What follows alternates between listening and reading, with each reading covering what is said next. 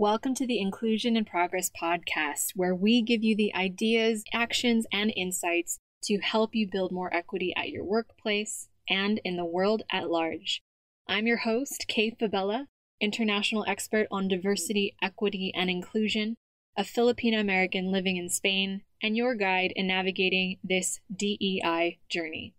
Having worked with teams at companies such as Philips, the IMF, Red Hat, PepsiCo, and more, I know firsthand that the work of inclusion only works when everyone has a seat at the table. Regardless of your personal entry point into this conversation, your race, ethnicity, gender, ability, age, sexual orientation, country of origin, or educational background, we all have a role to play in creating inclusion for all.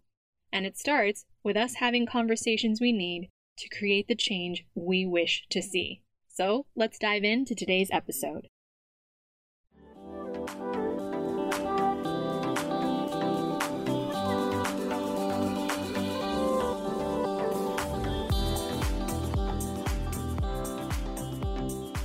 Welcome back to our show. And for those of you tuning in for the first time, welcome, welcome. I'm Kay Fabella, the host of the Inclusion in Progress podcast, where you will get research backed industry insights into the future of work and practical how to's for equity and inclusion. Now, I've said this on the podcast before, but I lead a remote team, and we also work with clients across EMEA, APAC, and the Americas, which means if you're just tuning in, you will get a truly global perspective of how the future of work culture is evolving in real time. So, speaking of my remote team, Team IIP just got back from seeing each other in person for the first time ever in Kenya last month. Now, we had a blast getting to explore the country with our local team members there, and we're feeling very energized as we move into the final few months of 2022. And I've got to admit, it's really weird to see everyone back inside our normal Zoom rectangles on a screen after having sat with them and shared meals and conversations and languages and cultural differences and similarities in real life. But we can all agree that the in person trip was exactly what we needed after having worked remotely for almost two years. And we even hired a new person to the team while we were in Kenya. So I'm very excited to have them on board as well. So, as Team IIP continues to grow and expand, I just wanted to take a quick opportunity to say thank you. Inclusion in Progress is coming up on its, can you believe it, 100th episode and its third year as a podcast. Now, I know you're listening to my voice as the host, as a DEI practitioner that's sharing these insights with a global perspective. But our company really couldn't have grown without the support of listeners like you. We appreciate how many of you from now over 35 countries continue to engage with our content week after week, month after month, on how the DEI or diversity, equity, and inclusion conversation is evolving, how the future of work is being shaped, and how cross cultural communication is critical in a distributed world. So, if you could please do us a five minute favor, we would super appreciate it. If you're a long-time listener or you've just found value in the first few episodes, we would really appreciate you leaving us a review on your favorite podcast app. Now, every review helps us reach those who would gain value from these episodes, who would be able to implement these insights into their own workplaces. Your review also helps more people leading equity and inclusion have access to the discussions that we are having here. Adele left us a review a few months ago that said, I love the way this podcast discusses the sensitive subject of diversity in the workplace. I found it enlightening and love the questions and answers it poses. A thought provoking and lively conversation from the heart. I highly recommend this podcast to anyone looking to diversify their workplace. Now, creating accessible content to support equity minded listeners like Adele and like you is something that we're incredibly passionate about at Inclusion in Progress, and we hope it shows. the easiest way to support us in our mission to create greater inclusion at work is to take a few minutes to leave that review so that more people who need these resources and conversations can benefit and continue our mission to change workplaces for the better. We'll be sure to leave instructions for you to leave that review for us at the link in the show notes. Now, as I'm recording this, I'm back in Spain in my home base of Madrid, where I've been based since 2010, and I've been preparing the team to launch our 2022 white paper later this year. So we'll be sure to let you know as soon as that's available. But one of the things I like about us putting out a white paper at the end of the year is that we get to look back on the year that was, summarize what we've seen from working with our client partners like Red Hat and Instagram, and share the latest industry insights and predictions with you for next year. Now, one of the biggest things that's come up for companies over this past year as we move into this post COVID period is how to evolve company culture for a either fully remote or hybrid workplace. In this post COVID period, companies are trying to figure out what working together looks like. I'm doing together in air quotes, if you could see me in the podcast. now that offices have opened up in some parts of the world, we've seen a couple of key trends. Some people are reluctant to come back into the office at all having enjoyed the ability to work flexibly at home while prioritizing their home or family life, or doing so because they're more fearful of coming back into the office where they've been historically marginalized. Other team members are really keen to connect in person again, particularly at the management or senior leadership levels.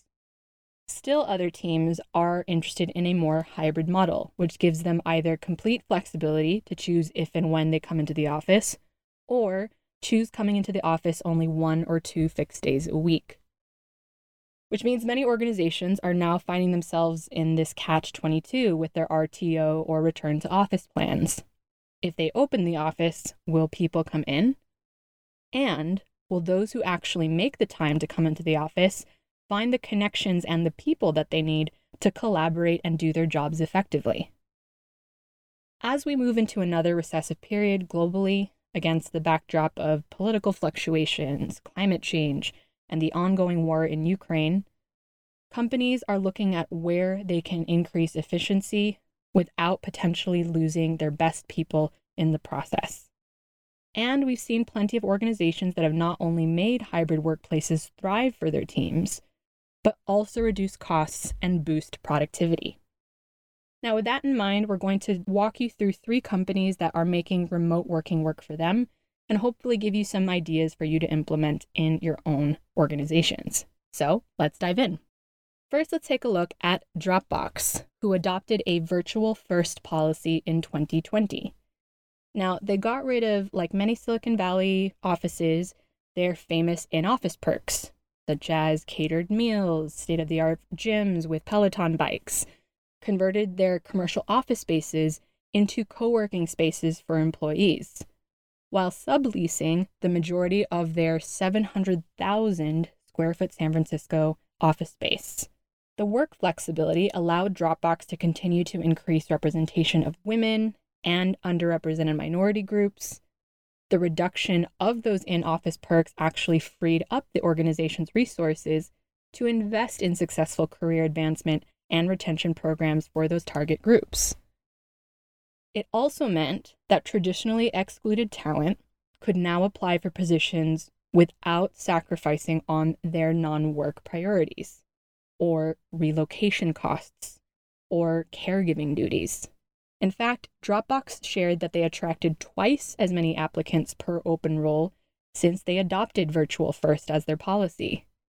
They saw a 2.4x increase in gender diverse applicants per role and a 2.8x increase of underrepresented minority diverse applicants per role as compared to 2019, just a year before.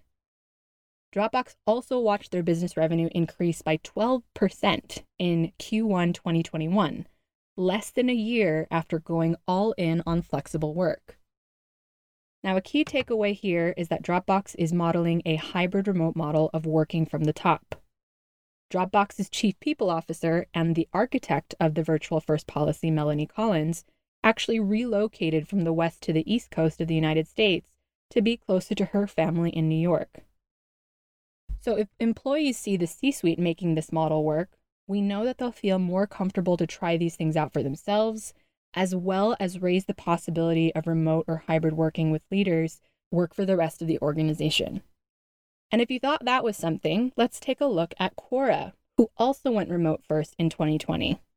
They too moved their headquarters outside of Silicon Valley, which allowed Quora to hire employees in nine non US countries and across 12 states where they'd never had offices before.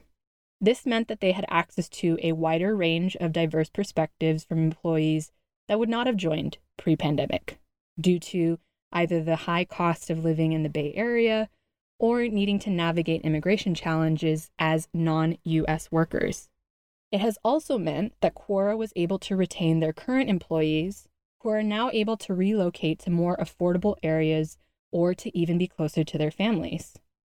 With the money saved on office rent and gains in productivity, Quora rented co working spaces for where clusters of their employees can meet and work. The company is also planning to reinvest the savings into international in person meetups so that their employees can continue to feel connected to their teams, to their organization, and to help them identify opportunities for community and advancement at Quora. Quora is currently valued at $2 billion and grew to 950 employees in January 2021.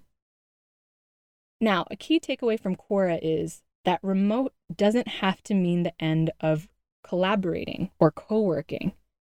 Renting co working spaces means instead of trying to strong arm people into one office in one location, you're giving people the freedom and flexibility but reaping the benefits of collaboration at the same time. By providing spaces for their employees to meet and work, it gives employees the flexibility and the ability to determine their own schedules and when they need to actually meet in person to gain ideas from one another or meet their fellow team members and connect in an offline way. Finally, let's take a look at Spotify, who rolled out its work from anywhere policy for its 6,500 employees around the world in February 2021. Now, Spotify believes that work isn't a place that you go to, they believe that work is something that you do. So, with that philosophy in mind, they prepared to make work from anywhere possible for all of their employees so that they could continue to work comfortably, safely, and productively from a location of their choosing. So they researched labor laws and tax and insurance readiness by country they adjusted base salaries for local currencies and regions where their employees and team members would be. They also, like Quora, provided co working space options for employees who were all located or co located in similar regions. They structured intact teams to be on similar time zones. And they synced their human resources, people ops, recruitment, and internal comms efforts before rolling out work from anywhere. Now, as of August 2022, Spotify announced that it experienced lower turnover compared to their pre pandemic levels and increased diverse representation, which means that they not only retain the best talent, but also are able to attract future candidates that prioritize diversity in their employers. Spotify has also expanded beyond New York and California and is now registered in 42 US states. In Europe, the platform has increased its presence outside its Stockholm headquarters to Germany, Spain, and the Netherlands. A key takeaway from Spotify is after implementing the work from anywhere policy, Spotify's Q2 2022 earnings showed 23% year on year revenue growth. So there you have it. Those are three case studies from organizations who are making hybrid work work for their teams. And as these three case studies show, Creating a successful hybrid remote team is all about modeling from the top, including things like in person collaboration, providing choice, where to work, when to work, etc. At Inclusion in Progress, we know that the DEI conversation, especially in the future of work that we have today, might seem daunting for organizations. We know that everything feels like it's in flux and companies and leaders are taking on new roles in defining what that future workplace looks like. Now, if you're a forward thinking leader listening to this show, you know that it's your job to understand what your people need today, to keep them long enough to contribute their best ideas, and help recruit the best people tomorrow. Rather than looking at all of the different lenses of DEI, we recommend starting with one area and working your way outward. So, if you want someone to help you make hybrid work inclusive and efficient for your distributed teams, that's where Inclusion and Progress can help. We partner with leaders like you through both data driven and qualitative strategies that center the well being of your people, utilizing our extensive experience with working remotely, both as a team and with clients from around the world, so that you can center the well being of your people, no matter where they come from or where they choose to work. And one of the ways we can support you is through our inclusive virtual work survey so that you will know exactly what you need to implement first so that you can gain not only buy in from leaders and stakeholders, but most importantly from the people who you're trying to retain and recruit on your teams so that your organization can continue to attract the best ideas, retain top talent, and continue to innovate in an ever changing world. So, to learn more about our inclusive virtual work survey, how we can start rolling it out to support your global DEI strategy and help you with recruitment and retention, head to the link in the show notes to book a call to learn more. We've already opened up our calendar for 2023 and have secured a few bookings with client partners already. So, if you'd like to learn how we can support you and your organization in creating an inclusive virtual work environment for your teams, book a call with us or email us directly at info at inclusioninprogress.com to book a call to learn how we can help you gather the data that you need for an inclusive, flexible work strategy that retains your best people and ideas. As always, thank you for listening. Thank you for sharing these episodes with others, especially other equity minded leaders like yourselves. And we'll see you next time on Inclusion in Progress.